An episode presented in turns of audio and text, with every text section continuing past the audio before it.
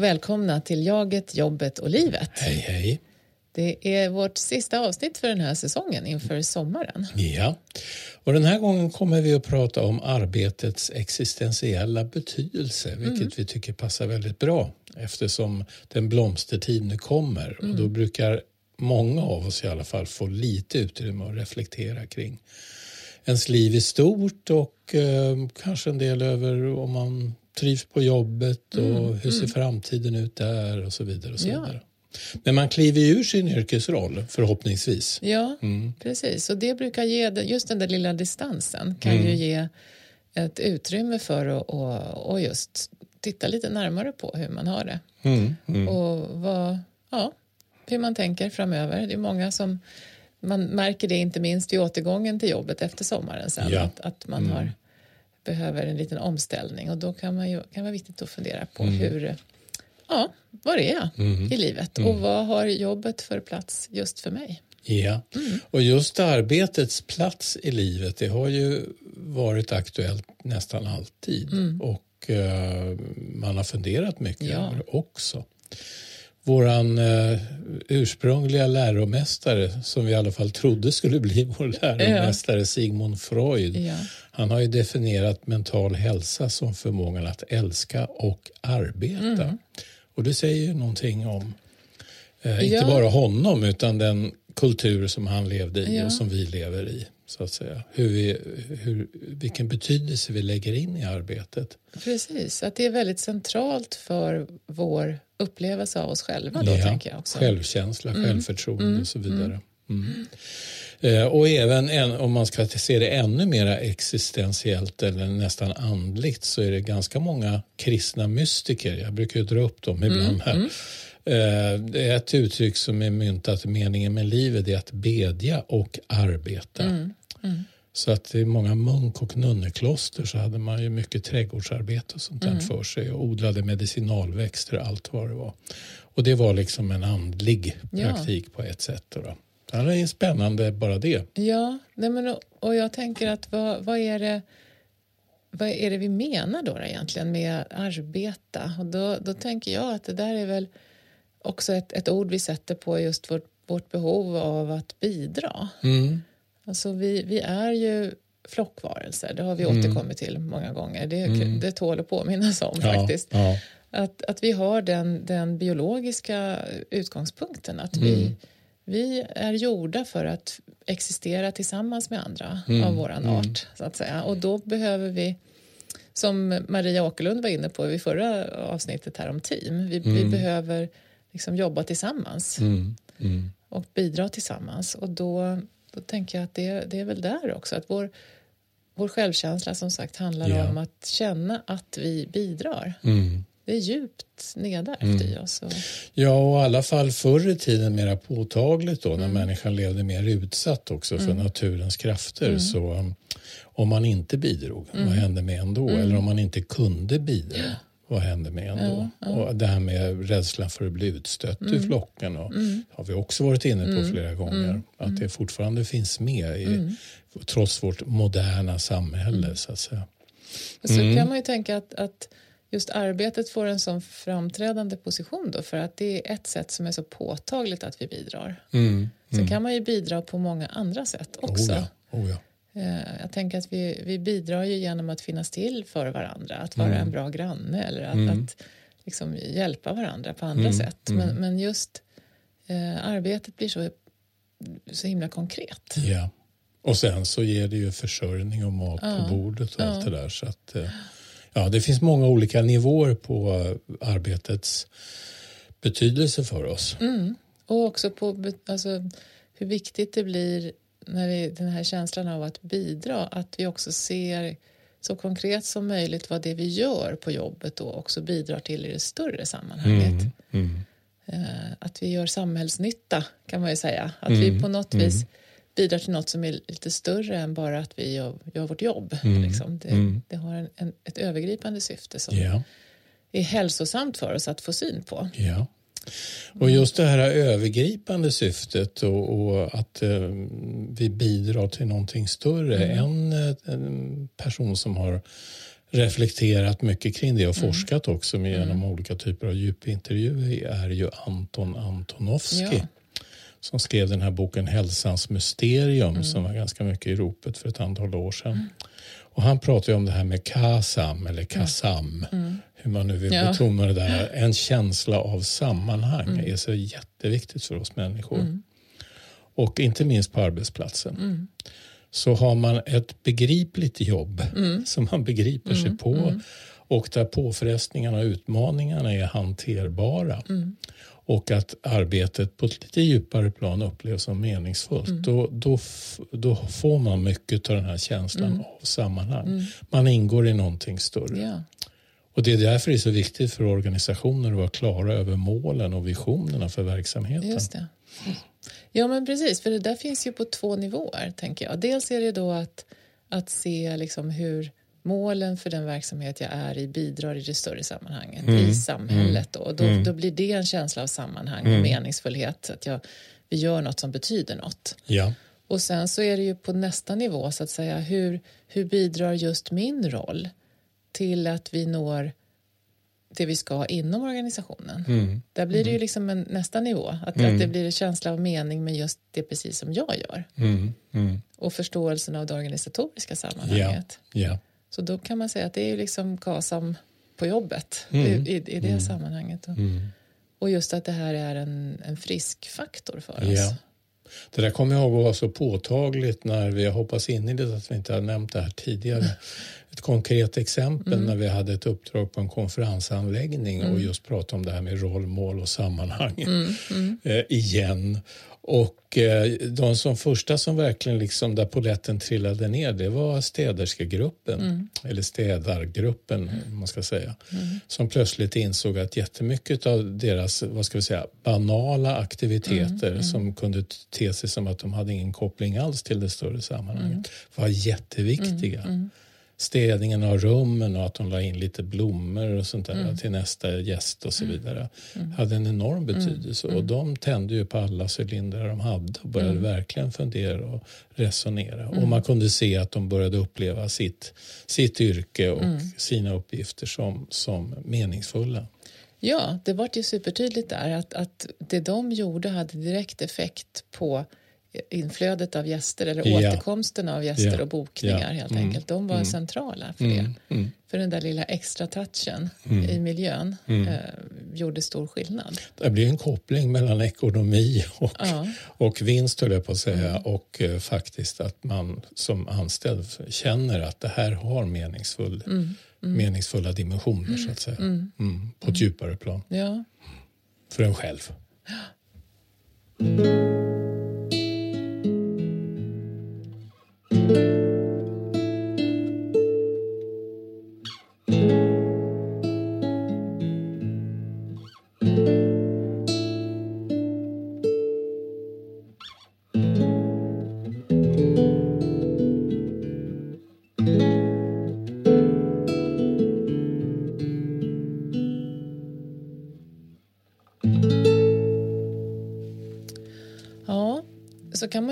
på också hur, hur kommer det sig egentligen att jag jobbar med det jag jobbar med? Åh, oh, herregud. ja, det... Vad finns det för motiv? Ja, ja. ja den blomstertid nu kommer. Ja. Här ska tänkas efter räfts och rätta ting. ja, nej. Nej, men det är ju jätteviktigt faktiskt mm. och kan vara väldigt spännande och kanske ibland lite provocerande för en själv att mm. fundera lite grann över vad har jag för drivkrafter och hur hamnar jag i det här? Mm. Och det där kan man ju dela upp i lite olika punkter i och för sig. Eh, någonting som jag tänker på omedelbart det är ju att, att för, för hur många vet jag inte men för en del människor i alla fall så är det att, att Ehm, det fanns inte så mycket annat att välja på. Mm. Alltså mm. på grund av livsomständigheter, var man bor någonstans mm. och ja, hur, hur, hur det gick i skolan och hur mm. man har kunnat eventuellt gått vidare eller inte gått vidare till mm. vissa utbildningar som man kanske i och för sig var intresserad av. Mm. Eh, så, så kan det landa i att, att eh, man tar det som erbjuds. Ja, och det, och det där var väl, tänker jag, ännu tydligare förr. Om man säger. Alltså för innan vi, vi, man pratar ju ibland om att vi lever i en tid där, där vi har såna osannolikt många eh, valmöjligheter hela Ja, tiden. ja. Och att det, det leder till... Thomas Siehe, eh, sociolog, pratade om det här med kulturell friställning. Att vi, vi numera är så loss ifrån de här tidigare bojorna, så att säga, som, som det du beskriver. Det, det finns bara en väg. Jag tänker, då, jag tänker för pappa är smed, då blir jag också smed. Ja, det, jag, ja, det är liksom, man blir vid sin läst på något vis. Ja, Så. ja. Att det var, var under många år väldigt typiskt att det var just så. Mm. Men att, att eh, nu på senare år så har det där luckrats upp och Mm. vi har istället oändliga valmöjligheter vilket gör oss lite Mm. lite eh, så, över sig givna också. Att, att vi, vi på något vis eh, kan ha svårt att hitta fram. Så det finns ju någon trygghet i det där också. Mm. Ja. Tänker jag. Det kan låta lite sorgligt på något vis. Ja, det var det här som fanns. Men det finns ju också något att, ja, det är det. Det, där, det slår mig att det, på både min mormors och min morfars Mm. sida så om man ser bakåt i tiden med lite släktforskning Mm. så, så bara dräller av smeder. Den ena smeden efter den andra. och sen med min farsa tror jag att det tog slut. Men han, ja precis, han blev ombudsman på Handelstjänstemannaförbundet. Och hans son i sin tur blev psykolog. Se hur illa det gick. Ja. Nej, men jag tänker att det, det, det hade passat dig rätt illa tror jag, vara smed. Men det är en, lägg, det är en inte så praktiska läggning. Jag hade inte haft några tummar kvar. alltså jag bankar ut Ja, svärdet. Men du hade väl fått lösa det? Alltså, Ja, ja, det är en ja. intressant tanke också i och för sig. Ja. Mm. Nej, men så att det finns ju den aspekten att det, att det liksom är en, en förutbestämd väg. Mm. Eh, och sen finns det ju andra förstås aspekter kring det du far runt också här med, med mera mm, begränsningar som kan uppstå för att, att man inte motsvarar krav som krävs för att komma in på en annan utbildning man kanske skulle vilja. Och så förstås. Men ja, ja det, jag bara, det bara slog mig att det, det finns mycket bara runt den grejen Ja. egentligen. Ehm, och Thomas Siehe han hävdar ju att eh, den här, det här faktumet att vi inte längre det är inte längre givet vad vi ska göra eh, och de här, det här ansvaret som hamnar på oss själva då att välja att det också bidrar till nutidens eh, ökade narcissism. ja. Det, det åligger oss själva så mycket och det, man är sin egen lyckas med. Liksom, och det, Smed. ja, det är väldigt mycket Ja, smeder det här. var det jag blev. Jag blev min egen lyckas med. Ja. Vi lägger in, kan vi lägga in en liten gitarrtrudelutt här? Absolut. Absolut, tack så mycket. En aspekt av det här är ändå en slags modern aspekt av att, att det, saker och ting ska gå i arv. Det är ju ändå att en del människor har ändå upplevt att det finns en press hemifrån att man ska välja en viss bana. Eller i och för sig ett familjeföretag också och sånt. Men om vi tänker mera som ordinärt sådär att, att eh, man egentligen har friheten men det är ett psykologiskt tryck att eh, du ska gå i våra fotspår. Ja, eller du ska, man är väldigt mån om att ens barn ska lyckas och då vill man eh, väldigt gärna att de väljer en viss väg. Mm. Vi hade ju ett exempel i vår bekantskapskrets här eh, och jag tänker det, det är så, inte så ovanligt alltså med personer som, av, som flyr från, från krig och elände och kommer till Sverige Ja, och eh, känner så starkt att deras barn måste få en, en trygg och bra framtid här. ja, Och då har man med sig bilder av vad innebär då det? Ja. Vad ska det vara? Och, eh, en familj som vi känner väl, där var det ju just att, att eh, mamman eh, drev på väldigt hårt för att sonen skulle bli ingenjör. mm, mm. Och det, han ville inte alls bli ingenjör. Så han, han, han ringde mig och sa snälla, snälla kan ni komma och, och prata? Så jag, jag vill gå eh, samhällsvetenskaplig linje på gymnasiet eller, eller, eller mm, ekonomisk. ja, jag, vill inte, jag vill inte bli ingenjör. Och vi hade ett, ett långt samtal som, som också vädrade den här oron för att, att hamna fel i en ny kultur och att man vill ha någonting tryggt för sina barn. Mm, mm. Eh, och sen, sen efter lite olika turer så har det landat i att den här sonen ändå fick, fick gå ekonomisk linje som han ville och är på väg mot någonting som kommer att passa honom. Mm. Men, men det, vi har skrattat tillsammans med den här mamman uh, också Mm, och, och, åt, åt det. Alltså både med djup inkänning i det där, att man vill sina barn så väl och sen Mm. att man är i ett sammanhang där ja, där, man, där man kan hamna i att driva på någonting som man själv ser. Mm. Ja, apropå sin egen lyckas smed, Ja. att, att i vårt samhälle fortfarande är det ju så att, att de här vägarna till trygghet för barnen, de, de är ju väldigt många. Mm. Ja. Och här var det väl så att de kom från en kultur där Mm. eh, så att säga vägen mot trygghet Mm. och framtid, den är ganska beskuret. Alltså det är vissa jobb. Vissa yrkesval som var säkra Mm. Ja. och sen var det jättemycket som var osäkert. Och se, så är det definitivt inte här om man väljer att gå en samhällsvetenskaplig väg till exempel. Det finns ju hur många utbildningar och yrken som helst att välja på där. Men jag tänker att där var det verkligen så tydligt hur, hur den här sonen då han slogs verkligen mot att hamna i ett fack där han kände att det här blir bara helt fel för mig. Mm, mm. Jag kommer ihåg när vi läste motivationspsykologi Mm. på universitetet och då var det just bland ett exempel av många en ung man som eh, vars föräldrar var läkare. Mm. och det var ganska hårt tryck på honom att han också skulle utbilda sig till läkare. Mm, och han pluggade och stod i och kom in på läkarutbildningen Mm, med en viss motvilja och kände att det, här är inte rätt. Alltså mm, typ Ehm, så att det, det, tedde sig ganska meningslöst för honom. Att det hade ingen existentiell betydelse om man ska återkoppla till det. Eh, Men sen under utbildningens gång och genom att träffa andra som också pluggade samtidigt och göra olika former av praktik och jobba inom sjukvården på somrarna och så vidare som, som sommarjobb och allt vad det var.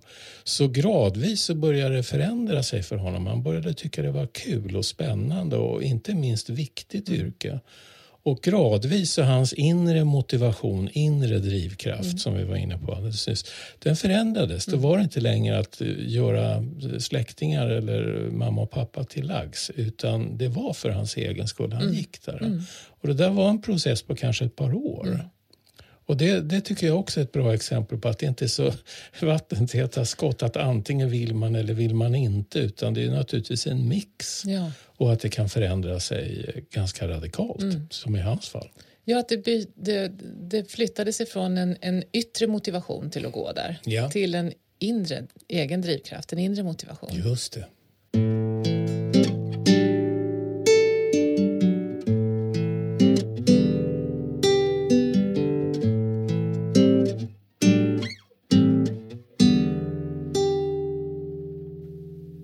Mm. Nu tänker jag på de här inre drivkrafterna. Ja. Alltså den här inre energin man har för ett visst yrke eller ett visst arbetsområde. Där det inte handlar om påtryckningar utifrån eller att det bara råkar vara det som man Nej. hade att välja på. Allt det här som har pratat om tidigare. Och då ser jag framför mig att eh, vad som driver en människa inom ett visst område är ju väldigt mycket att man faktiskt är intresserad Ja. av området och att man känner ett mer eller mindre starkt känslomässigt engagemang. Men det handlar inte bara om känslor nu så, utan, utan det kan ju också vara på en intellektuell nivå. Att man Absolut. tycker att ett yrke är väldigt spännande. Nej, och och då Mm. tänker jag, då kan det ju ofta vara så att man driver på väldigt på egen hand, kanske till och med mot ö, omgivningens Så kan det vara förväntningar. också. Mm. Alltså att man, man har en, en inre drivkraft som, som gör att eh, man får ordentlig fart i det här. Mm, Ja. mm. Ja, och då, då tänker jag på, på dig och ditt första yrke som musiker. Ja. Att där, vad jag har förstått, så, så var det väldigt mycket så. Stämmer det? Ja, det var inte mot musik i sig. Mm. Eh, och kanske, ja, det fanns ju det här att det där kommer du aldrig kunna försörja dig på. Mm, Eh, men eh, det var väl framför allt, eh, jag tillhör ju Beatles-generationen Mm. och när Beatles kom, hör och häpna, så var det jättemånga som inte alls förstod vad det handlade Mm, om och hävdade att de överhuvudtaget kunde varken spela eller sjunga, Mm. vilket sen bevisades, motbevisades rejält. Mm. Så att eh, jag blev ju fångad av en väldigt stark eh, trend där. Mm. Men eh, långt innan, redan i tredje klass, så gick jag ju på Adolf Fredriks musikskolor. Och det sågs ju med belida ögon Mm, hemifrån mm. för det var ju klassisk musik och så vidare. Så att det var väl mera den här när pop och rockmusiken kom och tog över och Mm. en hel generation så var det ju inte bara jag utan många i min generation Mm. som, som blev lite hårt ansatta hemma för, av olika orsaker kring det här. Men du drev ju på själv ändå, Jag drev ju på, hade- ja, för att jag älskade musik. Ja, ja. Och, och den kärleken föddes ju tack vare den klassiska musiken. Mm, Så det blev lite paradoxalt. Men, så, men där var det lite mer komplext. Alltså det var just eh, att jag inte istället sökte och kom in på Musikaliska akademin och lärde mig spela cello eller någonting sånt där. Och gärna ville man att jag skulle spela ett soloinstrument. Eh, och när jag då blev elbasist och fick förklara att nej, men det är ett ensembleinstrument liksom, för det mesta. Så då, då var det lite besvikna miner. Sådär. Men eh, generellt sett också det här att det här kommer man inte kunna försörja sig på. Så, men jag hade en väldigt stark drivkraft och det är klart motståndet gjorde kanske att jag, drivkraften blev ännu starkare. ja, det är ju spännande också. Att det kan bli del i ett, ett uppror på något vis. Mm, mm. Mixat. Sådär. Sen är det en baksida med det här eh, att, att gå mot strömmen. Eh, För att det är fråga om, om sen när man lyckas, att säga, om man lyckas försörja sig eller man lyckas, man spelar in skivor och man turnerar och alltihopa det där som jag gjorde. Så kunde tystnaden vara ganska kompakt från familjesystemet. Och det blir en sorg. eh, Så. Och en slags känsla av att aldrig vara riktigt nöjd. Hur mycket än andra människor berömmer en. Så är det liksom där man vill att berömmet ska komma ifrån. Det kommer inte. Eh, Och kanske brist på förståelse också. Hur, hur stort det var vissa saker man gjorde. Så säga. Så vad, Men, men. Vad, vad, fick Jag är dig, inte bitter. vad fick dig ändå eh, att, att hålla, hålla liv i den här glöden? Liksom, din inre motivation. Vad var det som, som fick den att hålla i sig? Ja, även om jag inte blev världsberömd så, så hade jag och tillsammans med andra eh, en hel del framgångar på lite olika sätt. Och, och eh, det, det, det fortsatte ju liksom att hålla liv i lågan. Så det var ju trots allt så att, att, att Gensvaret. gensvaret från de som begrep sig på och som gillade den här typen av musik och så vidare var eh, stundtals väldigt stort. Och då, då, då får man ju en ny push, så att säga. Sen när man ser tillbaka så kan man ju tänka gud att man vågade göra det där och det där. Liksom. Jag spelade musikal inför 3000 pers liksom, i publiken. Sådana saker. Det, det, det är ju sånt man kan se tillbaka på och tänka wow, liksom. skulle jag våga stå för 3000 personer idag och prata om rollmålssammanhang? Tusingen. Nej, men det där är ju, det är intressant, för jag tänker det är ju många som kan vittna om det, just att man har ett sånt där brinnande intresse som, som leder en framåt och även, även i, i sammanhang där det finns motstånd. Så, ja. Mm, mm. En annan aspekt av detta med inre drivkrafter Mm. det är ju helt enkelt livserfarenheter man har gjort. Just det. Mm, Eh, Nyckelhändelser som man har varit med om i livet. Och där har du ett bra exempel på hur man kan formas och välja ett visst Ja. yrkesområde. Jo, men när, jag funderar lite på mig själv, så där, hur kom det sig att jag hamnade i det här området då med psykologi? Eh, så, så, och då, då tror jag att det jag har en, en nyckel finns i min uppväxt. Mm. Jag eh, växte upp på en hästgård där, som min pappa drev. Då, och, eh, han tog emot personer som eh, hade olika typer av svårigheter personliga svårigheter. Eh, så fick de komma och jobba hos oss med någon form av bidrag. Mm. Och eh, de där kom och gick och det växlade personer under min uppväxt då som, som var lite udda på alla möjliga vis. Då. Mm. Eh, Och de blev ju en, en naturlig del i min vardag. Mm. Folk som betedde sig lite konstigt eller som hade olika svårigheter. Mm. Eh, Det fanns någon som hade ett missbruk eh, som de försökte hantera på olika sätt. Eh, Jag minns en man som var psykotisk Mm. som var hos oss ganska länge och han, av och till så såg han saker som inte fanns. Mm. och, Mm. och det där blev dramatiskt ibland men också inte så dramatiskt. Jag såg ju många sidor av de här personerna. Mm. De, de fanns med. Så jag, jag tror att det där skapade en, en nyfikenhet hos mm. mig. Mm. Att eh, förstå på ett djupare sätt vad det här mm. handlar om. Mm. Jag har inte tänkt, alltså det var inget jag tänkte medvetet sen men jag tror Nej. att det där låg med och mm. fanns som en, en bidragande orsak. Hur gammal var du då? Ja, men det här var, ju hela mitt liv. Ja, alltså, ja, de, så det var när du var 6, 7, 8 ja, år och började kunna liksom ja, ja. Jag minns den här, mm. den här psykotiska mannen. Han var engelsman så han var lite exotisk på det sättet också. Mm. Men han var så snäll kommer jag ihåg och jag vet att han han tog hand om mig. Jag hade en liten shetlandsponny som bet mig. Mm. och han eh, tog hand om mig i en sån mm. situation och då kan jag inte ha varit mer än fem år kanske. Mm. mm. Så att eh, de, de fanns liksom med mm. hela tiden. Mm. Så det, var, det, det, blev inte liksom skrämmande upplevelser det, det kunde sättet? det ju också bli. Jag kommer ihåg en person som, som eh, missbrukade som, som kom och var påverkad och sådär. Och det, det var ju skrämmande, men det, det liksom bäddades in i någon sorts helhetsbild av mm, att det här var mm, människor. Det var inte mm, bara mm. eh, konstiga typer, utan de mm. hade många sidor. Mm, ja, det är spännande. Och så tror jag att, att min pappa hade ett väldigt eh, eh liksom jordnära sätt att se på det. Han, de, de, blev accepterade, liksom. de var där. så,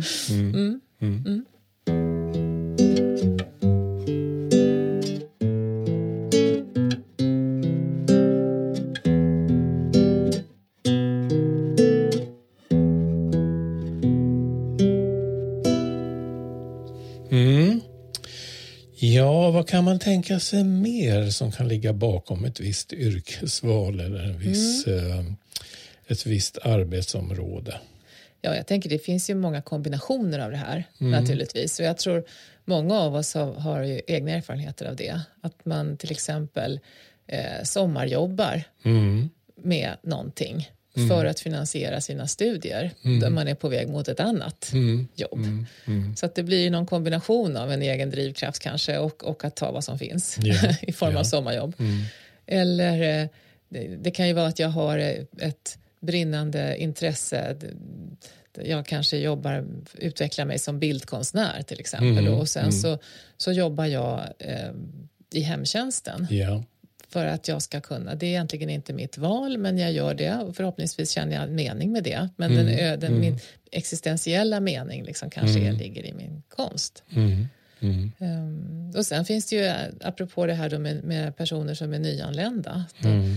kan man ju komma med en, en avancerad, man kanske är, har en avancerad utbildning, men det går inte att kliva rakt in där, utan man jobbar med något enklare. Man kanske jobbar i en restaurang eller på en pizzeria då som är någon sorts klassisk bild av det. Mm. Som ett första steg ja. in mm. mot ett annat mål. Mm. mm. Eh, så det, det finns ju ofta en, en mix. Ja. Mm.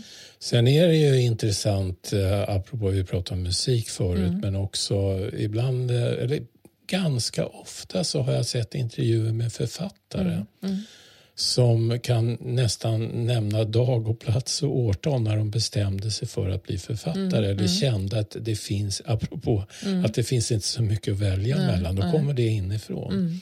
Flera som alltså kan beskriva att de i sju, åtta års åldern mm. hade skrivit någonting och börjat pröva sig fram och mm. bara känt att det här ska jag hålla på med. Och sen många av dem som har den inställningen, de, de, de lyckas också mm, så att mm. säga och kan till och med försörja sig på mm. författarskapet.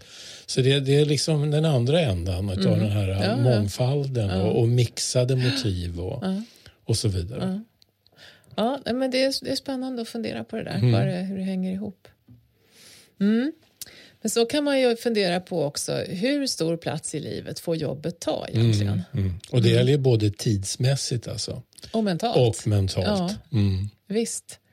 Alltså man pratar ju mycket nu om, om balans i livet och sådär. Det är ju mm. liksom i, i, i, termer av att, att, min, att vara hållbar och minska mm. överbelastning och så. Mm. Men, Öva mindfulness ja, och ja. så vidare. Mm. Men, men det är ju verkligen det. Här, där ser det ju olika ut för oss. Alltså vi, vilken plats i våra totala liv mm. har jobbet? Mm. Och det kan ju variera enormt. Så det kan vara viktigt att fundera på. Liksom, hur ser det ut för mig och hur vill jag ha det egentligen? Mm, mm. Så jag tänker en, en, va, va, vad ska just arbetet bidra med? Mm. Mm. Ja, det där kan ju verkligen se olika ut i olika livsfaser. Mm. Visst. Om man är på väg, alltså att man befinner sig i en slags början av en karriär. Ja. Eller om man eh, kommer att vara, bli pensionerad Ja, om ett halvår. ja. Så vidare. Ja men verkligen, jag tänker det att när man är på väg, om man nu dessutom har en egen inre drivkraft Mm, och väldigt mycket mm. lust till det man ska göra, då kan, Mm. ju, kan ju jobbet ta enormt stor plats Ja, ja. och, och vara en huvudskälet till att man känner mening och, och Mm, energi och så Mm, mm, i, i livet, verkligen. mm. Eh, och sen så kan det ju vara beroende på hur man, hur man eh, ordnar sitt liv sen, om, om man skaffar familj eller om man Mm. Har andra starka fritidsintressen eller, eller sånt som, som konkurrerar med det här Mm. eh, så kan det ju få en annan plats. Mm. Jag hade ett intre- apropå livsfaser Ja, och pensioneringar ja. också. Jag hade ett ganska intressant eh, handledningsuppdrag för ett eh, okänt antal år sedan. mm. Där eh, det var en arbetsplats där man höll på att initiera ett stort förändringsprojekt. Mm. Och sen var det tre eller fyra personal som inom ett halvår skulle gå i pension. Mm. Och de hade väldigt svårt att uppbåda energi och intresse för Mm. de här förändringsprocesserna. Och på ett sånt sätt också så att det påverkade deras närmaste arbetskamrater. Mm. Och då fick jag i uppdrag av den chefen att faktiskt ha handlednings, eh, en handledningsgrupp med de här tre, fyra individerna. Där vi skulle prata om och stödja dem i den här processen av att släppa taget om jobbet och släppa eh, liksom kravet inom sig själv på att jag måste, borde vara engagerad i den här förändringen. Att de faktiskt kunde få lite i viss mening defilera i mål. Och det, det här löste upp en hel del spänningar mellan dem och de här arbetskamraterna som var verkligen på gång och alltihopa. Så att eh, det, ja, det, det blev ganska lyckat det där. Och det kan ju vara ett bra tips till chefer och andra som, som funderar på vad, vad kan personalen behöva hjälp med och så vidare. Bla bla. Att, att, eh, ja, har man flera medarbetare som faktiskt är på väg mot utgången. Man kanske ska liksom bara ordna att de får en möjlighet att samtala kring eh, sina tankar och känslor kring det. Ja, och kanske se hur kan jag bidra. Jag kanske inte har motivation. Det kanske är jättesvårt att, att vara mitt i drivandet av den här förändringsprocessen. Massa jag, extra möten och ja, jag, allt kanske, jag kanske kan bidra på något annat sätt. Mm, Det är ju spännande. För, för jag tror också att det här som väcks liksom i, i den fasen av livet Mm, är, har ju att göra med det vi pratade om för en stund sedan. Här, det här med vår, vår tillvaro som flockvarelser. Och att, Mm. att jobbet är, är så uppenbart meningsskapande i hur vi bidrar. Och så. Mm. Men att, att vara på väg och liksom hitta, behöva hitta nya sätt som jag känner att jag bidrar, att jag är värd någonting. Mm. För en del är det ju så väldigt jobbigt att sluta jobba. Ja. För att jag kanske har investerat, jag kanske har levt ett sånt liv där, där, där jobbet är det, är det som är liksom, Mm, mitt centrala. Mm. Ehm, för andra så är det ju, det inte har varit så, så kanske man, man ser man har tusen andra saker. Mm. Fritidsintressen och annat som, man, som är det mest centrala i, Mm. i ens eget liv. Och då får de blomma ut. Så att säga. Då, Men det där kan ju verkligen vara en, en process av att släppa taget och, Mm. och om, en, eh, om ett livsområde för ett annat. Då. Mm, visst. Och så, jag tänker på det här dagens tema ställt i relation till Mm. eh, förändringsprocesser som jag kom in på det med det här exemplet. Att, eh, och det vi pratade om med Tor om, det Mm. här med förlust. Att, att förändringsprocesser innebär just förlust. Och här kan det bli så tydligt att vad kan jag bidra med nu då? Alltså man kommer inte gå i pension utan man befinner sig mitt i livet. Och det är en stor organisationsförändring. Och då växer ju den här existentiella betydelsen, tänker jag. Ja, du, tänker, alltså, du, du kopplade loss nu från pensioneringen och tänkte Ja, förändringsprocesser ja, förlåt. Ja, generellt. mm, Ja, ja. Mm. Och att, att, att när, när de inträffar så kan ju det vara omskakande för, för min inre drivkraft och min inre motivation. Absolut. Och, och det jobb jag har Mm. och de arbetsuppgifter jag har och hur de bidrar till min känsla av sammanhang Mm. och mening på ett djupare plan kring livet och Mm. vad det är som gör livet värt att leva och så vidare. Jo, Så att frågan blir liksom, men vad kan jag bidra med nu då i det här nya? Ja. Så att säga. Ibland tror jag att till och med folk säger det rakt Mm, av. Man säger på det sättet. Jag förstår inte min roll och min funktion i det här. Alltså den här typen av... Mhm. Ja, nej men, och tillbaka till det här då med, med hur stor plats jobbet får ta i, i livet. Då, så, så tänker jag att där är det ju kanske, ibland så upptäcker vi att det har tagit för stor plats. Mm. Mm. Eh, och att det, att det invaderar vår, vår privata sfär på ett sätt som inte känns bra. Alltså det, Känns det bra så är det väl helt okej okay om vi, om vi organiserar vårt liv så. Men jag tycker det är många av oss och det kan, kan man ju känna igen själv också, när, när det liksom får, man fastnar i någonting. Mm. Mm. Eh, och, och, det kan ju handla om, om konkreta saker som att man, man eh, har svårt att släppa kontrollen över mejlen på semestern till exempel. Mm. Eller Mm. att eh, man har skapat en, en sorts sam, samverkansnorm på arbetsplatsen där, där vi eh, ringer varandra på helgerna eller Mm. skickar sms och förväntar att, att vi är igång hela tiden. Mm. Så. Mm. Och då blir det ju som att meningen med livet är, är att vara uppdaterad på, på jobbet och, så, Ja, och så, så blir vi liksom utarmade i våra andra områden istället. Då. Mm. Eh, Ja, så det där det är också en sån här fundering som man kan ha med sig, tänker jag, in i semestern lite grann. Hur, hur, hur gör vi egentligen? Vad, vad, känns, vad blir bra för mig? Mm. Det känns som vi är på väg att Mm. avrunda det här innan sommaren Ja. Precis. Vad som slog mig som ett eh, ytterligare ett medskick till lyssnarna det Mm. är ju en blogg eh, som jag skrev på Sandal Partners bloggsidor som eh, faktiskt hette Arbetet och meningen med livet. Just det. Och den bygger upp, byggs upp kring fyra stycken grundläggande frågor. Mm. Nämligen vem är jag? Varifrån kommer jag? Varför är jag här? Ja. Och vart är jag på väg? Ja. Mm. Och det här är ju stora frågor. Men om man läser den bloggen så får man lite mer kött på benen. Ja. För det där är ett sätt att, att eh, odla lite självkännedom Mm. och kan hjälpa en att, att få kon på eh, vad, hur pass stor betydelse har mitt arbete för mig och, och inte minst vad jag, har jag för drivkrafter och varför har jag valt det här jobbet. Och vart är jag på väg? Och vart är jag på väg? Mm, mm. Och den hittar man på hemsidan sandals.se Mm, under bloggar. Mm. Just det. Just det. Ja, nej men som sagt, hoppas att det här kan inspirera till lite funderingar, självrannsakan, självkännedom, funderingar om, om eh, hur läget är egentligen och, och hur, vart ni är på väg. Ja. Ja, Ja, då har- återstår väl att eh, önska lyssnarna och oss själva en glad sommar. ja, och vi är tillbaka igen eh, första torsdagen i september. Just det. Så ja, på återhörande då. Och vart vi är på väg där och i det avseendet, det får man skåda i kristallkulan. Precis, Mm. det får eh, utforma sig under sommaren. Ja, precis. Vi ska koppla av också. Ja, eller hur? Då så. Mm. Ja. Hej då! Hej då!